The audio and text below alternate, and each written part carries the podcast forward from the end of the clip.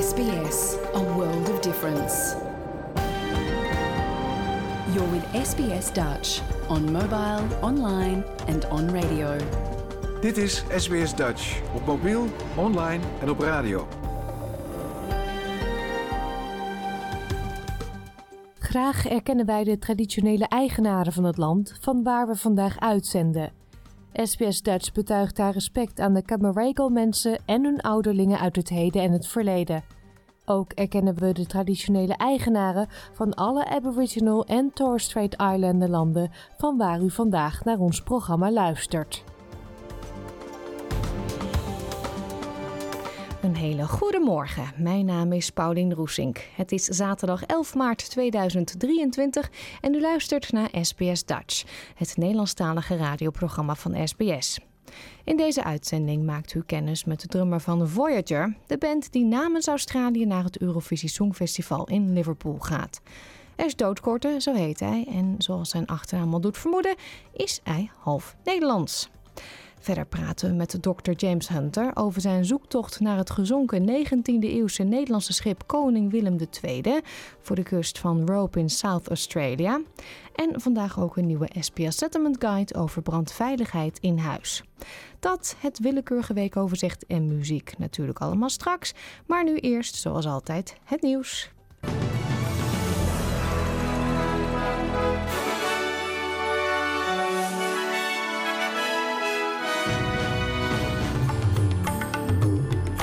Dit zijn de headlines van het SBS Dutch nieuwsbulletin van zaterdag 11 maart. Zuidoost-Queensland alert vanwege overstroming in het noorden van de staat. Huis van afgevaardigde VS stemt voor openbaar maken onderzoek oorsprong COVID-19. En Kaylee McEwen zwemt wereldrecord.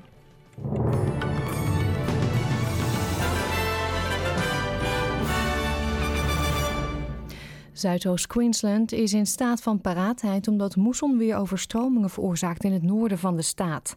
Het Bureau of Meteorology heeft zijn voorspellingen van zware regenval en onweersbuien voor het zuidoosten naar beneden bijgesteld, maar zegt dat hevige regenbuien nog steeds mogelijk zijn.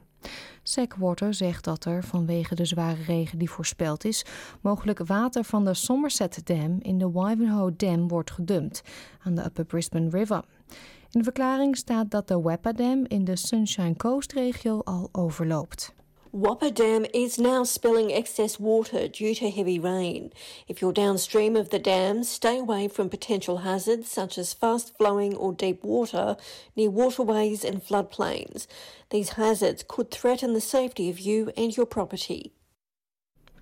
Een man is in kritieke toestand naar het ziekenhuis gebracht na een urenlange belegering in de noordelijke buitenwijken van Melbourne. De politie zegt dat agenten van de Special Operations Group de man bewusteloos aantroffen, zeven uur nadat hij zich met een pistool had opgesloten in een huis in Sunbury. Een man die zegt de eigenaar van het huis te zijn, vertelde aan Seven News dat de man binnen in de dertig was en onlangs uit de gevangenis was vrijgelaten. De politie van Victoria is een onderzoek gestart naar het incident. Het Amerikaanse Huis van Afgevaardigden heeft unaniem voorgestemd om Amerikaanse informatie over de oorsprong van COVID-19 vrij te geven. Hierdoor zal informatie over het Chinese Wuhan Institute of Virology worden vrijgegeven. Daarbij verwijzen naar potentiële verbanden tussen het onderzoek dat daar is gedaan en de uitbraak van COVID-19. Amerikaanse inlichtingendiensten zijn verdeeld over de vraag of een laboratoriumlek of een overloop van dieren de waarschijnlijke bron van het dodelijke virus is. Experts zeggen dat de ware oorsprong van het virus misschien wel nooit bekend zal worden. Karine Jean-Pierre, woordvoerder van het Witte Huis, zegt dat president Joe Biden het wetsvoorstel nu zal bekijken voordat het daadwerkelijk het wet wordt. We know and he understands how important it is to get to the bottom of COVID origins. We will, origins. We will continue to use every tool to figure out what happened here uh, while also protecting uh, classified information. De Nederlandse regering schrapt per direct de laatste coronaregels. Daarvoor, daardoor hoeven mensen bij klachten geen zelftest meer te doen en ook is thuisblijven niet meer nodig. Het Outbreak Management Team adviseerde het kabinet eind vorige maand al om de laatste maatregelen te schrappen en dat advies is nu dus overgenomen.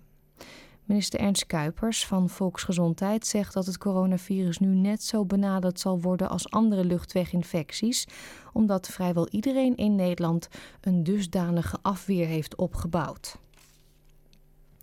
Het Verenigd Koninkrijk heeft ermee ingestemd miljoenen dollars aan Frankrijk te betalen om te voorkomen dat migranten in kleine bootjes het kanaal oversteken naar Engeland. De Britse premier Rishi Sunak zal Frankrijk in drie jaar tijd 480 miljoen dollar betalen. Het geld is bedoeld om patrouilles te verbeteren en het gebruik van drones en een detentiecentrum te helpen financieren. De overeenkomst volgt op een aankondiging van een nieuwe wet die Groot-Brittannië het recht zou geven om illegale bootmigranten onmiddellijk te deporteren.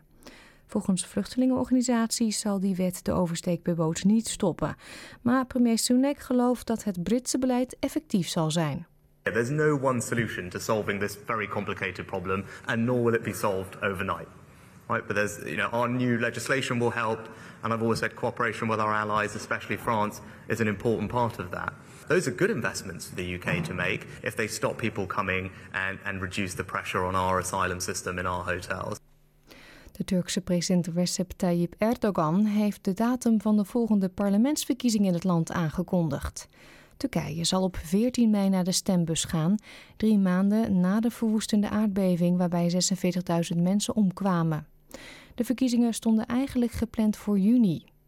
President Erdogan maakte het nieuws bekend tijdens een live televisieuitzending.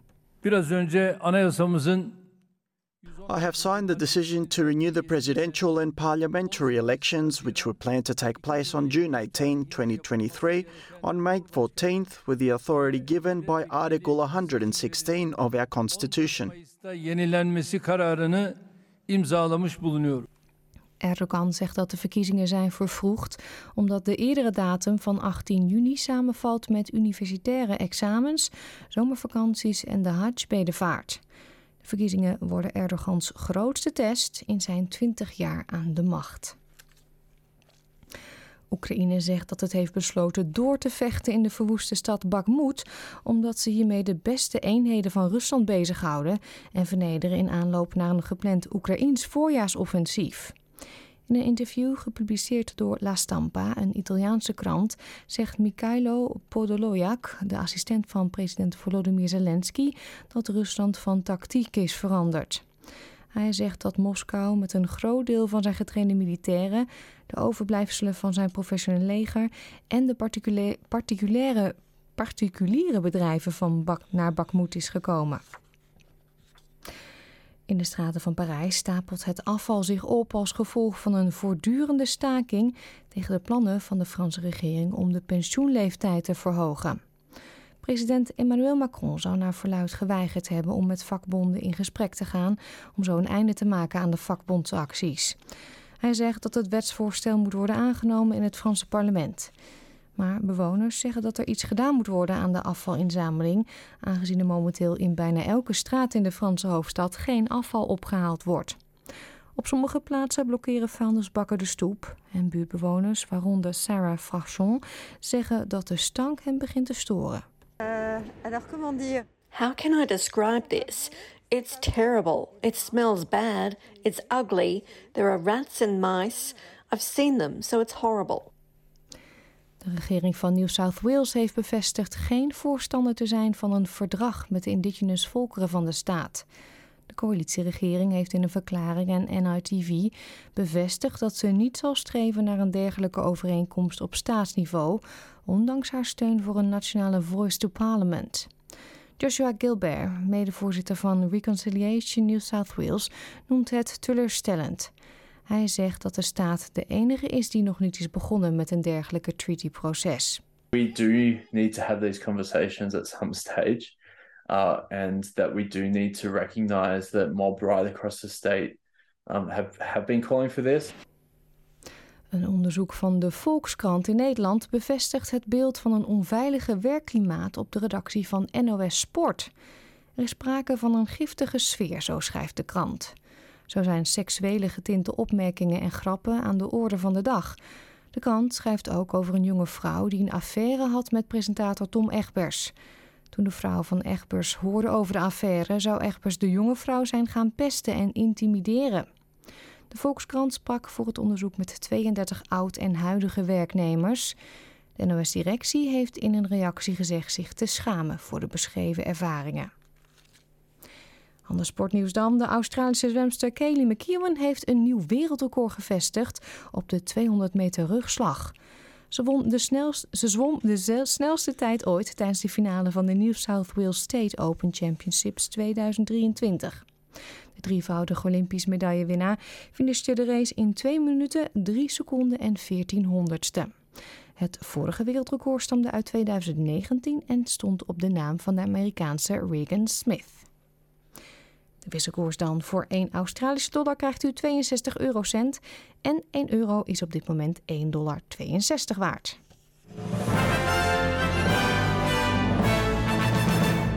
Kijken we nog even naar de weersverwachting voor vandaag. We beginnen in Perth. Daar is het zonnig en wordt het 30 graden maximaal. Adelaide gedeeltelijk bewolkt 26. Melbourne gedeeltelijk bewolkt 23. Het is bewolkt in Hobart 21. Canberra gedeeltelijk bewolkt 27. In Wollongong nemen de buien toe. Het wordt daar 25 graden. Sydney, daar zonnig, 30 graden. Ook in Newcastle laat de zon zich volop zien, 33. Het regent in Brisbane, 27. In Cairns is het gedeeltelijk bewolkt, 33. Zonneschijn in Darwin, ook 33. En in Alice Springs tot slot is het zonnig en wordt het maximaal 35 graden. Dit was het SBS Dutch Nieuws.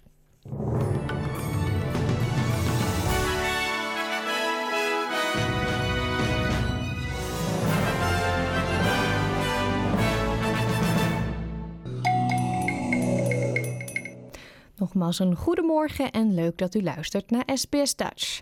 Straks hoort u van Dr. James Hunter hoe het ervoor staat met zijn zoektocht naar het wrak van het schip Koning Willem II. Maar eerst, over twee maanden schittert de pop-metalband Voyager op het Eurovisie Songfestival. Met het liedje Promise doen de West-Australiërs een gooi naar eeuwige roem. Wij spraken met de drummer van de band, Ash Doodkorte. Hij vertelde onder meer hoe hij zichzelf drums heeft geleerd, waarom de band graag naar het Songfestival wil en dat hij door zijn opa en oma dol is op advocaat. Ja, en daarmee bedoel ik echt dat oer-Hollandse gele likeurtje. Dit is SBS Radio Dutch. Ash, I read somewhere that you taught yourself how to play the drums. That's true, yes. How and when? How old were you? I was uh, I was 14 years old, um, and I can't explain it. Just for some reason, something snapped in my brain, and I decided I wanted to be a drummer. Um, I tried guitar, piano, bass, and uh, none of them really stuck. And it, I'm glad my parents still had like a little bit of patience left and got me a drum kit because uh, that one worked out okay. When I got the drum kit, I just got a. Uh, my dad bought me a book with it, which had like the eight main beats you need to know, which is like a rock beat, a metal beat, a funk beat, a Latin beat, um, so I just learned all of those. Um, and my dad was also a guitarist as well. And we both used to really, really like Nirvana. So uh, we try and jam Nirvana songs together. Um, once I learned Smells Like Teen Spirit, all bets were off. Everything just seemed to make sense after that. oh, great. what is your advice for young listeners who would love to become a famous drummer? Uh, oh, geez. Uh, it's really, it feels really weird at first. Like when you first start to play drums, it feels like your arms and legs are like tied together and they don't want to move the way your brain tells them to. Um, but I think, you know, it takes maybe three days for that to not happen anymore. So you've just got to stick with it. It won't, it won't be perfect the first couple of days, but all of a sudden something clicks. Then from there, it's just practicing and loving what you do. And uh, actually, yeah, as a drummer, you really have to love what you do as well because there's a lot of expensive gear and a lot of lifting things and yeah. a lot of hard work. you train your muscles, some feet, uh, legs, arms, everything, right? Absolutely. Yep. Yeah. And your brain. And your brain. Have a bit of a, ma- a mathsy brain. Yep. Yeah. Because your brain's trying to tell all your limbs to do different things.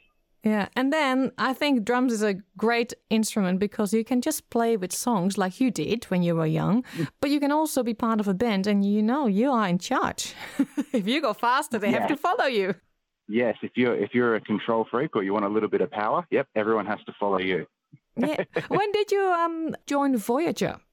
Uh, I joined Voyager. It was, uh, I think, around about the end of 2011, just after they released their fourth album. Um, I'd been playing in other bands around Perth that had shared the stage with Voyager many times, and I I started doing graphic design for their album covers. Um, and yeah, then their drummer uh, left and they needed someone to fill the gap, and I was definitely keen for that. Yeah. So that has been a while, over 10 years now. Um, Mm. Last year, you guys tried to get into Eurovision to to be the representative for Australia. It didn't happen. You just became second. How was the feeling after Australia decides? Oh, we were uh, we were elated. It was amazing. Um, a few people messaged me saying, "Oh, I'm so sorry you didn't make it." I'm like, "Oh, I'm having the best time. Like, this is an amazing result. We got so much support from the public and had such a great time doing uh, TV, which is really different to what we usually do, which is you know playing stages at clubs and things like that. So." Yeah, we, we were all stoked and yeah, we were really happy with how it turned out. Uh, little did we know it was going to lead to something even bigger like this. I know, because this year you are going. Yes, yeah, it's, it still hasn't quite sunk in. no. Was it something you had to keep a secret for a long time? We did have to keep it secret for a little while. Yeah, I, I only told uh, my, my partners. I didn't even tell my parents. Wow. Yeah. How did you manage My, that? Uh, yeah, I'm not too bad at keeping a secret. I was lucky my dad was off in a caravan driving around the country. Um, and with my mum, it just took a bit of willpower. I really wanted to tell her. and how did they respond to the news? They were stoked. Yeah, it's it must be a nice payoff as well, having to put up with all those noisy drums in the house when I was a teenager. At least it actually went somewhere. but no, they're, they're ecstatic. They're they're really happy. It's yeah, it's amazing. You're all very tough looking guys, and of course, one very tough looking girl. What's the magic of Eurovision for you? Um, I have to say, uh, Simone is the toughest out of all of us by a long shot. Um, uh, the magic of Eurovision, uh, I think, uh, you know, a band like us, we're we're really all about um, performing live. You know, we we really care about being entertaining and putting on the best show we can. And um, a lot of the time, especially as like a, a band from Perth, you don't have the opportunity to to put on the show you might want to put on. The stages aren't big enough, or you just don't have the financial means to do so.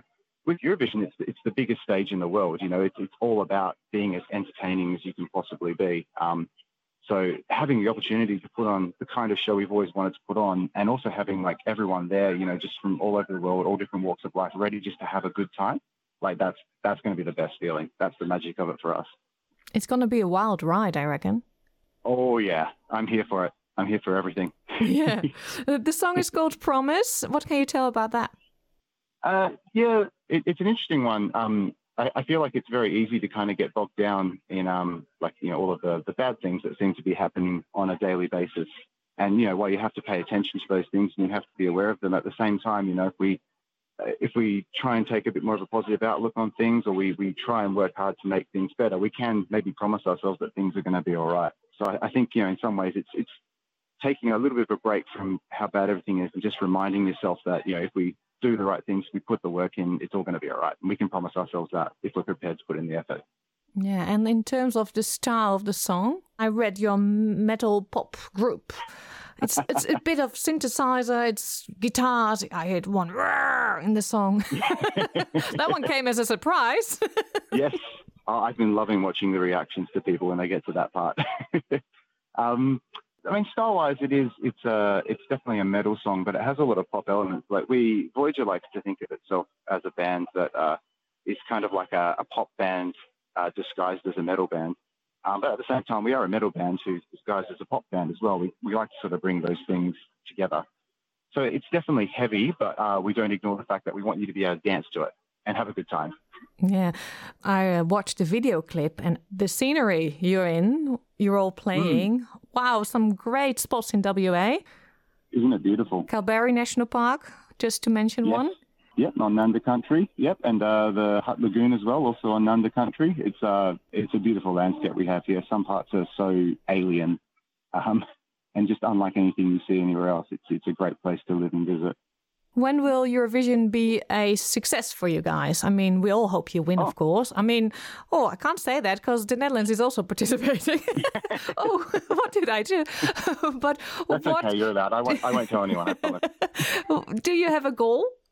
Um, I mean, we we obviously have the lofty goals of taking it all the way, but uh, you know, I, I think for all of us, just personally, like we we've already hit that goal. You know, like we wanted to get here. It's something we've been working at very hard, and we just wanted people to be able to see what we could do and just to hear our music. Um, and you know, sometimes it's hard to find that platform because there are so many bands out there, and there's there's so many things demanding your attention. So, yeah, every time we talk about it with each other, we just sit there and think we've we've already won. Like we've, we've already done what we set out to do. So everything on top is a bonus. Um, but yeah, like uh, if I've got my game face on, definitely got to get through that semi final and get to the grand final. That's that's the goal. Yeah, just rock the stage and don't think about all the millions of people who are watching you. oh, I'm definitely going to be thinking about that. That's going to make me play even harder. yeah. So uh, one thing I have to touch base on with you is uh, your last name, Doodkorte. Um, yes. That tells us you've got some Dutch heritage. I do, yeah. My dad's side of the family uh, came to Australia uh, right at the end of the 50s. Yeah, and did you get a lot of the Dutch uh, language, food, etc.? Uh, I didn't get much language actually. Um, my my dad never really spoke much at all around the family. I know he understands it, but yeah, as a child, he never really spoke it around us. And I heard a little bit from my Oma and Opa, but uh, I was too young to really sort of understand, I guess, what they were they were saying. Um, but definitely picked up a lot of, particularly food and drink. Uh, there was always salted licorice in my house. There was always croquettes in the freezer there was uh, always roller mops in my Opa's house. Um, and, uh, you know, there's always a bottle of avocado somewhere around as well. That's a demand of mine. Oh, this... um, I remember that. this is really showing that it's grandparents' influence, like roll mops and advocaat. That is really oh, yeah. grandparent yeah. stuff. Yeah, that's great. But it was one of my demands when I first moved out of home. I had to make sure there was a bottle of avocado there. That's amazing. Oh, I wish you all the best. I mean, I think the train has left the station and you had to jump on it and go for it. Absolutely. Yeah. Thank you so much for your time and good luck. Thank you so much. Can't wait to rock the stage. Dr. James Hunter is conservator Naval Heritage and Archaeology bij het Australian National Maritime Museum in Sydney. In november reisde hij met een team af naar Rope in South Australia op jacht naar het wrak van het 19e-eeuwse Nederlandse schip Koning Willem II. Helaas kon zijn team toen vanwege te hoge golven slechts één dag de zee op. Maar er was ook goed nieuws, want de detector sloeg op die ene dag wel op de juiste plek aan. Gisteren sprak ik met een hoopvolle James, want volgende week wordt er namelijk verder gezocht. Jouw gemeenschap, jouw gesprek, SBS Dutch. James, last time we spoke to each other was November last year, just before your trip to Rope. What happened there? Okay, well, uh, after we spoke to each other, um, uh, me, uh, my colleague Kieran Hosty here at the museum, and two of our colleagues from the Silent World Foundation, um, uh, Irene Maliaros and Heather Berry, we went down to Robe and uh, we had a go at trying to find uh, the wreck site of Koning Willem. And we took uh, a boat. We had remote sensing equipment, so we used a device called a, a magnetometer, which picks up large iron objects, and uh, had our dive equipment, had everything. Um, we got down there. We had seven days allocated to work on the water, and I think we probably got maybe a day and a half on the water. Um, weather completely shut us down. Well, you said before that area, of course, it's not a coincidence that there's a shipwreck somewhere, right? Yeah, well, it, it's not a not a coincidence. There are several shipwrecks in that bay. Um, yeah, and it's you know we we looked at the weather forecasts. We had you know, it looked like we had a fairly decent chance of getting work done, but as often happens down there, um, you know, the weather can turn on you very quickly. And uh, we had a low pressure system develop uh, down in the bite while we were there, and it just yeah, it, it got really nasty. Um, having said that, the good news is that the one full day that we got on the water, uh, we ran the magnetometer. We went up to the part of the bay where we thought Koning Willem had wrecked based on the uh, historical account. And we picked up a magnetic contact and we surveyed around it. Uh, we did uh, we covered a fairly large area around this uh, spot where we picked up these magnetic anomalies, and there's nothing else there. There's this cluster in one spot. Uh, the distance offshore looks right. The water depth looks right. So while we didn't get a chance to jump in the water and actually dive and see what that is, we're pretty confident that uh, that's probably the wreck. Yeah, you all got excited, but could not go in the water and dive for it. No, and I'll tell you why. Um, we were uh, when we picked the mag up, we were a few hundred meters off the beach, and had this nice gentle swell kind of rolling through, and it was breaking about 100 meters inshore of where we were surveying. Uh, two days later, uh, I looked at the same area from shore through binoculars, and my I had to pick my jaw up off the ground because it was breaking probably anywhere between three and five meters where we had been wow. two days prior. Wow! Uh, it, yeah, the seas had just gotten immense, and I, you know, had said to Kieran, "Hey, look at this."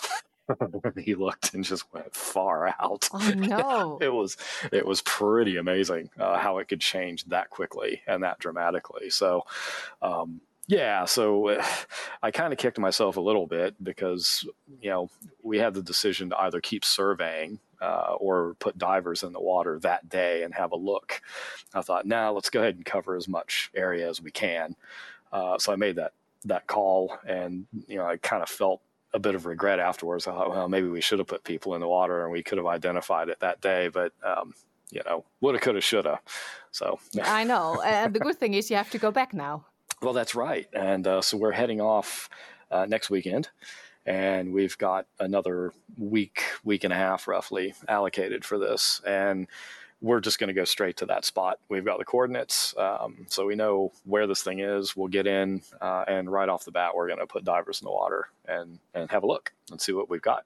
Yeah, and how do I envision that? Divers go in the water. They take special cameras with them, so you can see on board what they're seeing, or yeah, well, uh, no, we won't do that. We will have cameras. Um, we'll have, you know, we, we take slates underwater that we can draw and write and everything. Uh, one of the most important things we'll have are metal detectors because there is a possibility that whatever's down there is mostly buried or completely buried. So um, if we get down there and we can't see anything sticking up above the seabed, uh, you know, we'll we'll run a metal detector survey and see if we start picking up things in the metal detector, and then we can you know kind of investigate that further. But hopefully, and I'm hopeful here, uh, we'll have stuff that's sticking up uh, out of the seabed and and things that hopefully will be identifiable. And we can say we've got it, or we've got it. At least we've got a shipwreck. Yeah. How deep is the water there?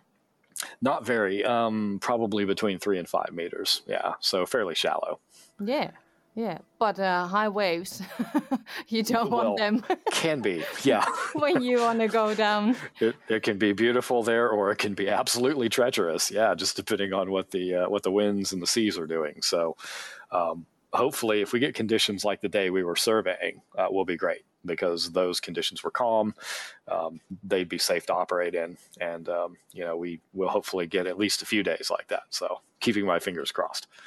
Yeah. So down there with metal detectors, and what if you find it? What will happen next? Well, again, depending on what we see, what's visible, because we can own, yeah, we can't excavate. We're not, uh, we're not there to dig anything up. Um, but if we have enough sticking up above the seabed, the next thing will be to document that. So we've got cameras, we'll get video footage, we'll get still photos, we'll measure things, we'll sketch. Um, and if there's enough there, uh, we might even try to do photogrammetry, uh, where we take multiple digital images and then potentially make a 3D model out of those images. But that part of it is dependent on visibility. So the better water clarity we have, the better result we're going to get. And if the last trip is any indication, the water is not exactly crystal clear. so it could be tricky. Yeah. Is it a busy area where a lot of other boats come and go? There are boats out there. Yeah, definitely. Uh, you know, there's a fairly uh, sizable fishing community there. So you've got cray fishermen and um, and other people like that. So there are boats out there, but it's not. Uh, at least the last tr- couple trips we were down there, you know, it wasn't heavy traffic. So, um, you know, if we're out there, we've got our dive flags up, you know, we, and we radio to shore and we make it very clear what we're doing uh, and where we are. Uh, I think most boats will, they'll, you know, they'll go around us. I mean, we may have people that come up and ask us what we're doing. Um, but yeah, I, I don't think we'll have any issues with, you know, boat traffic or anything. No, you will be on the boat or will you be one of the divers? I'll be doing both. Um, we we have a gentleman uh, we're hiring his boat, um, so he's going to be running the boat, but at least one or two of us will be topside to help him um, manage the divers mostly. You know, somebody keeping an eye on the divers, making sure we know where they are at all times, uh, helping people get kitted up, help people get out of the water. Um, that way, the the boat captain can focus on the boat, you know, and, and dealing with that. But uh, we'll we'll alternate. Uh, some people will stay topside, and some people will be in the water, and Mm. so I'll be doing a little bit of all of that. Yeah, yeah. What if uh, it turns out to be the Koning Willem II? Will it be dug up in the end? Or will it be there, Well- stay there, and just you know where it is? We would uh, no, we wouldn't do any um, major lifting of the wreck if if we do in fact identify it. Um, the first step would be to contact the state uh, maritime heritage uh, officer, uh, let him know that we found it, um, and from that point on. Uh, we would probably discuss with him, uh, you know, about permitting, accessing the site, um, you know, doing more intensive site uh, documentation, possible artifact recovery, but that's all things that need to be negotiated with the Maritime Heritage Office. Um, uh, and obviously, we'd really like to, you know, have him down, uh, he and his team, and maybe others who might want to come down and, and have a look at the site. But um, yeah, no, there won't be any large scale, you know, removal or recovery of anything, um, especially not at the outset. We'll we'll do this um, sort of in a very gradual kind of Step by uh, step. step by step process. That's right. Yeah, well, very exciting. You sound like you're ready. Your team is ready. Let's hope the weather will uh, be calm. Yeah, that's always the wild card. yeah, we we are very ready to go, no doubt about that. Uh, we're very excited to get down there. Um, it, it'll be our first, our actual first maritime archaeology field project for this year. So yeah, we're we're real excited to kick it off. But yeah, we the weather weather gods and goddesses, we gotta gotta hope that they're on our side this time. Well, fingers crossed and good luck. Thank you so much, and we'll keep you posted.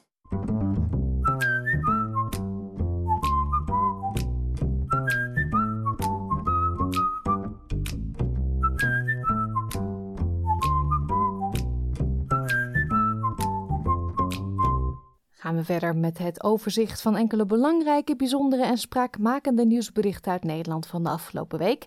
Dit keer met dank aan de NOS en Omroep Gelderland.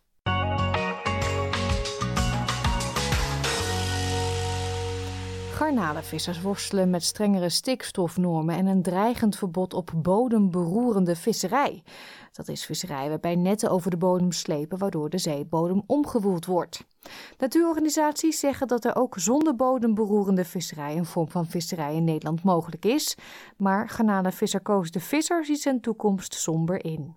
Wij vissen vooral in het Natura 2000 gebied voor Zeeland en eh, Zuid-Holland. Dat is het eh 80% uit van ons inkomen daar vandaan halen. Eh, de eh, Europese gemeenschap die heeft gezegd van bodemberoerende visserij moet ge- geminderd worden of helemaal weg tot 2030. Maar er is nog niks wat dat, dat je zegt van "Da- daar kan ik in innoveren of daar kan ik mee vooruit. Of dat ik deze bodemberoering kan minimaliseren tot nul toe. Kan ik nog niet. Dus u wilt wel vooruit, ja. maar het kost meer tijd. Het kost zeker tijd. We hebben de tijd nodig om dat te kunnen doen. En die samenwerking die zoeken wij graag op met de natuurbewegingen. Maar ze moet, hun moeten dat ook willen. Zes op de tien huishoudens konden vorig jaar moeilijk of helemaal niet rondkomen door de inflatie. Vooral jongeren raakten flink in de problemen door de gestegen prijzen. De NOS sprak op straat enkele jongeren aan. Eh, ja, ik herken dat voornamelijk in de, in de supermarkt. eh, met de boodschappen die allemaal duurder zijn geworden. En ja, ik ben ook benieuwd wat de gasrekening gaat worden dit jaar eigenlijk. Dus eh, ja, het is wel spannend, maar ik hoop dat het goed komt. Ik woon zelf nog thuis. Alleen ik weet wel van mijn vrienden die gewoon op zichzelf wonen dat het echt heel moeilijk is om de energierekeningen ook te betalen. En daarbij ook gewoon de hoge prijzen van de supermarkt. Steeds minder geld gewoon voor jezelf en echt meer voor levensmiddelen. Ik merk wel dat ik nu weer hele bewuste keuzes moet maken van oké, waar ga ik mijn geld echt aan besteden en wat is belangrijk en wat niet. de ene kant is het vervelend dat je natuurlijk dan weer van moet opletten. Maar aan de ene kant maakt het je ook wel weer bewust van... oh ja, maar wat is echt belangrijk en wat doet er echt toe? Wat is mijn geld dus echt waard? Dus het heeft een beetje twee kanten. Dus ik red het wel, maar het is wel krapper dan dat het eerst was, ja. Begin deze week werden de belangrijkste muziekprijzen van Nederland weer uitgereikt. Maan en Goldband werden de grote winnaars van de Edison Pop 2023. Goldband won maar liefst drie Edisons, waaronder die voor beste nieuwkomer en voor het nummer Stiekem met Maan. De zangeres is natuurlijk heel trots op de prijs. De winnaar van de Edison Song is dan ook Stiekem van Maan featuring Goldband.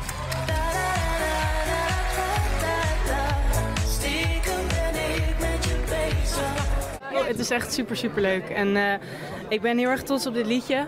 En ik weet ook dat de jongens best wel kieskeurig zijn met wie ze wel niet willen samenwerken. En ik wilde dus zo graag op mijn album. En dat dat gelukt is, dat die samenwerking daar is gekomen met de sensatie van dit moment, Goldband. ik, uh, nee, ik ben echt super, super blij. En dat er zo'n song uit is gekomen en bekroond met deze mooie prijs, dat is uh, heel waardevol. De afsluitdijk kreeg woensdag een nieuwe keersluis.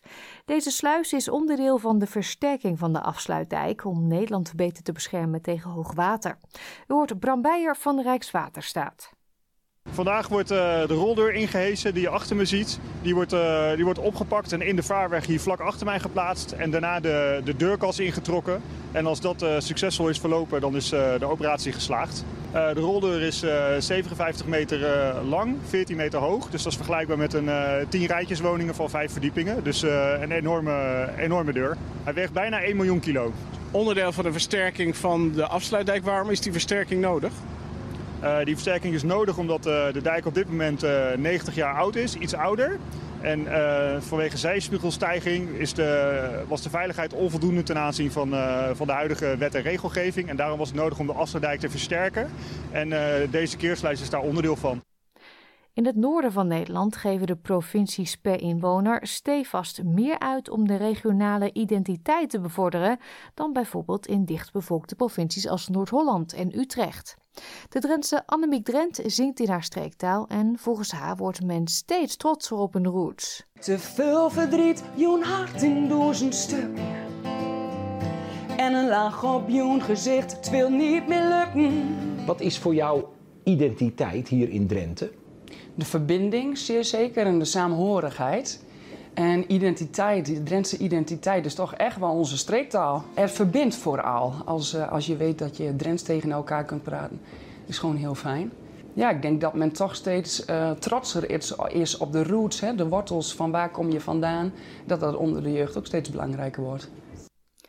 Sinds deze week zijn enkele wandelpaden op de Veluwe afgesloten. Dit om op bepaalde plekken de kwetsbare natuur te beschermen. Jorrit Geerlings van Natuurmonumenten legde aan Omroep Gelderland uit waarom. We sluiten hier paden af om meer rust te creëren voor uh, onder andere nachtzwaluw en boomleeuwerik. Zodat zij uh, hun jongen groot kunnen brengen uh, zonder dat die verstoord worden door onder andere recreanten. Ook die overgangen, juist die variatie tussen beek, hei, bos, uh, zandige plekjes, is voor adders en uh, ringslangen bijvoorbeeld ook heel erg belangrijk. En die zijn er dus heel erg bij gebaat om meer rust. En ja, dat hebben we wel op deze manier gecreëerd. bruggetjes weghalen en het pad doen verdwijnen in, in het landschap. En tot zover het weekoverzicht van deze week met dank aan de NOS en Omroep Gelderland. Brandveiligheid in huis is niet iets waar we vaak over praten, tenzij er zich een ongeluk voordoet. Voor de veiligheid van u en uw gezin is het belangrijk om u bewust te zijn van de risico's en alle nodige voorzorgsmaatregelen te treffen om te voorkomen dat er brand uitbreekt in uw huis. SBS Dutch op radio, online en op je mobiele telefoon. De meeste huisbranden ontstaan per ongeluk en zijn te voorkomen. De gevolgen van een brand kunnen onomkeerbaar zijn. De kleinste vlammen kunnen leiden tot de meest verwoestende schade, soms zelfs met dodelijke afloop. Uit een gezamenlijk onderzoek van Natural Hazards Research Australia en Fire Rescue Victoria in 2019 blijkt dat er elk jaar meer mensen omkomen bij woningbranden dan bij andere natuurlijke gevaren, zoals overstromingen, stormen en bosbranden samen. Andrew Gissing is co-auteur van het rapport en de CEO van Natural Hazards Research Australia. Hij zegt dat hun bevindingen over vermijdbare dodelijke slachtoffers en brandveiligheid nog steeds relevant zijn. So, residential fire fatalities are unfortunately too common in Australia. Our research showed that between 2003 and 2017, that 900 people had died in preventable residential fires. Each one of these fatalities is an absolute tragedy. The number of fatalities averaging across that period of time was 64 deaths per year. De meeste woningbranden ontstaan per ongeluk en zijn te voorkomen. Uit onderzoek blijkt ook dat de meeste fatale woningbranden ontstaan in de winter door onveilig gebruik van verwarmingsapparatuur of methodes. De brandweer dringt er bij mensen op aan om hun verwarmingstoestellen te gebruiken op de door de fabrikant aanbevolen manier. Dit betekent onder meer dat u het gebruik van terrasverwarmers binnenshuis moet vermijden, inclusief apparaten die warmtekorrels of vloeibaar petroleumgas, LPG, als brandstof gebruiken. Volgens meneer Gissing zijn deze verwarmingsapparaten niet geschikt voor gebruik binnenshuis, omdat het kan leiden tot een opeenhoping van een dodelijke dosis koolmonoxide. Preventable residential fire fatalities occur more commonly during winter. Many of these are being caused by heaters or open fires, etc. And certainly, people during the winter months should be particularly mindful when they're using heaters or open fires, etc., of the associated fire risks. Volgens de studie lopen mensen ouder dan 65 jaar of jonger dan 5 het meeste risico om om te komen bij een woningbrand. Kinderen zijn ook kwetsbaarder voor brandwonden, zelfs wanneer ze worden blootgesteld aan een kleine, gemakkelijk te blussen brand. Simone Sullivan, manager van de Kids Health Promotion Unit bij de Sydney's Children's Hospital Network, legt uit. So, generally, younger children are the most at risk group, and they're naturally quite curious. So, these accidents generally just happen in seconds. And unfortunately, children, their skin tends to be thinner than adults, which actually means that when they do get burnt, the skin burns a lot deeper and quicker at a lower temperature. Verwarmingstoestellen en rookwaren worden vaak in verband gebracht met woningbranden. Maar meneer Gissing benadrukt dat het vaak een combinatie van risicofactoren is die een brand veroorzaakt. Most preventable residential fires resulting in fatalities were caused by cigarettes, electrical faults, heaters, and open fires. But I think a key point is that when we think about risk factors, the research certainly shows that there is not just one dominant risk factor. When we look at the tragic victims of preventable residential fires, there was often a co occurrence of a range of different factors which surrounded those individuals, their behaviours, their residential environment, Andrew Gissing voegt eraan toe dat simpele brandveiligheidsmaatregelen in huis, zoals het hebben van een werkende rookmelder, een brandtrappenplan en het niet onbeheerd achterlaten van pannen op het gasfornuis, het verschil kunnen maken. Mark Halverson is manager voor brandveiligheid bij de Queensland Fire and Emergency Services, QFES. Hij zegt dat preventie begint met het kennen van de risico's van een warmtebron en een passende reactie mocht het misgaan. For a fire to start, there needs to be a heat source that's sufficient to actually start a combustible material to catch on fire. So that heat source can be anything from our heating devices, cooking devices, and from batteries that are being charged inappropriately or incorrectly. So basically, if people are going to bed at night or they're leaving their house to go out, they should actually ensure that all of those sources of heat are turned off and that that fire can't occur when they're not actually being aware of what's happening in the house at that particular time. De afgelopen jaren is er een aanzienlijke piek in het aantal woningbranden veroorzaakt door apparaten die werken op lithium-ion batterijen. Volgens meneer Halverson zijn deze branden te voorkomen als mensen zich bewust zijn van de risico's die verbonden zijn aan het gebruiken van een ongeschikte oplader voor hun apparaten. Largely, the problem is occurring during the battery charging process. For instance, if we use the e-scooter example, and because an e-scooter battery does contain quite a lot of power, so if we get a fire occur, there's far more energy and there's far more opportunity for that to spread rapidly. So I think the number one problem is that people are using the incorrect charger for their specific device. Just because a battery charger will connect to a device, it doesn't necessarily mean that that's the correct charger. Ook in de achtertuinen van mensen zijn veel brandbare materialen te vinden. Denk aan uitgedroogde takken, opgeslagen hout, oude kleding, apparatuur die snel vlam vat, maar ook de meeste producten en chemicaliën die gewoonlijk in schuren worden bewaard. Meneer Halversen vertelt hoe je brandstoffen het beste kunt bewaren. If they are needed to be stored, for instance, motor mower fuel or fuel for other vehicles, they should be in a proper container for fuel and then stored away from other devices and certainly away from excess heat. And I think another key factor is fuels and fertilizers just don't mix well at all. And that's another similar risk. So, a key factor to safety in the home is ensuring that all of those different types of materials should be kept separately and in appropriate containers. Hoewel rookmelders geen brand voorkomen, geven ze mensen een noodzakelijke vroegtijdige waarschuwing en soms zelfs de kans om een brand vroegtijdig te blussen.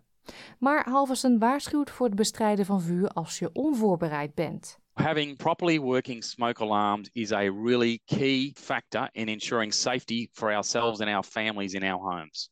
And if people are confident and have the right equipment to extinguish that fire, then by all means that gives them the opportunity. But I would strongly suggest that if people are not confident or don't have the right equipment to attack that fire themselves, the most important thing they can do is to take themselves and their families and anyone else is in the home immediately outside and then call triple zero to request the response of the local fire service.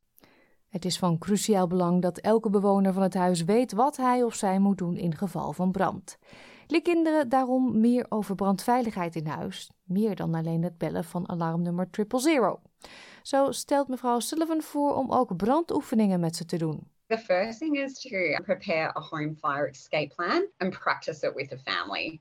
Teaching them to get down low and go, go, go. So the air tends to be cooler and cleaner, closer to the ground. Also, teaching children that if their clothes does catch on fire, stop, drop, cover, and roll. Make sure they cover their face with their hands to avoid any injury to the face and getting them to roll on the ground. So this will help put out the fire as well. Met uw kinderen praten over brandpreventie kan beangstigend zijn. Mevrouw Sullivan heeft enkele tips om het gesprek wat minder zwaar te maken. Make it really simple, make it fun, make it engaging. Try to implement practical activities. I think a really good place to start is explaining to children the purpose of a smoke alarm, how it works, where it is, what it looks like, what sound it will make as well. And that's during a fire, but also when the battery is low, so that should there be a fire, that they don't start to panic because they're familiar with what the sound is and then they're familiar with what they need to do. Deze SBS Settlement Guide werd samengesteld door Zoe Tomaidu en door ons vertaald in het Nederlands.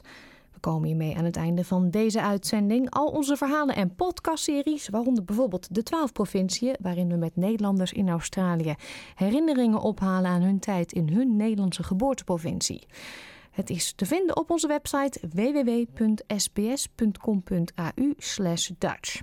Heeft u een smartphone of tablet, dan kunt u ook de gratis SBS Radio, nee, SBS Audio app downloaden. Dat is net veranderd. De SBS Radio app is nu SBS Audio app, maar het is nog steeds te vinden in de App Store of in Google Play. Dit uur sluiten we af met muziek van Arne Jansen, Meisjes met rode haren. U hoort hem al. Ik wens u een heel fijn weekend. Like, deel, geef je reactie. Volg SBS Dutch op Facebook.